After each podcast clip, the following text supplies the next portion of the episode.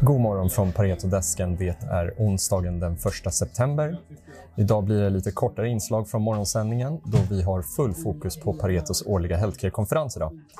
Eh, de amerikanska indexen stängde kring nollan igår kväll och eh, det blev en, Eh, dock den sjunde månaden i rad eh, då S&P 500-indexet stängde på plus för, för hela månaden. Eh, utöver det så kan vi tillägga att videokonferensbolaget Zoom rapporterade igår kväll och följt av de lägre tillväxttalen som de rapporterade så föll aktien rätt kraftigt på amerikanska börsen, närmare 17 under igår kväll. Utöver det så har även banken Wells Fargo återigen eh, ryktas i alla fall hamna under lupp från eh, amerikanska finansdepartementet eh, för att ha lite dåliga riskuppföljningssystem och eh, föll eh, cirka 5,6% på de ryktena.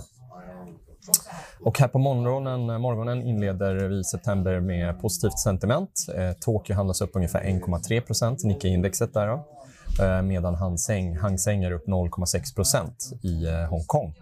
Eh, Tencent, eh, som tillsammans med många andra kinesiska internetbolag fallit kraftigt på sistone, är upp här på morgonen med cirka 2 eh, och om vi vänder blicken till Stockholmsbörsen så ser den upp och öppna upp kring 0,5 och ehm, det vi diskuterar idag på morgonen på vårt, för, för svenska marknaden är vår månadsportfölj. Det är en ny månad och därav ny uppdatering.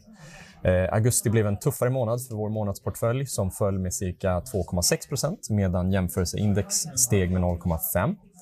Eh, vi gör två förändringar i, eh, i vår månadsportfölj här inför september månad. Eh, vi tar ut eh, Xbrain eh, och eh, läkemedelsbolaget Xbrain och eh, telekombolaget Millicom och lägger in istället Green Landscaping samt Wycor Pharma. Eh, och eh, idag har vi som sagt full fokus på healthcare det är Paretos årliga healthcare-konferens, den största konferensen som vi anordnar i Sverige. Och eh, det är full fokus både idag och imorgon under två dagar på de flesta bolagen inom det nordiska healthcare-segmentet. Så är man inte kund så bör man bli det eller kontakta sin mäklare och hänga med på det eventet och lyssna på presentationer. Det är två presentationer som pågår parallellt i två dagar. Och eh, är man redan kund så kan man gå in på vår hemsida i inloggat läge under fliken evenemang och eh, länka sig vidare till, till eventet.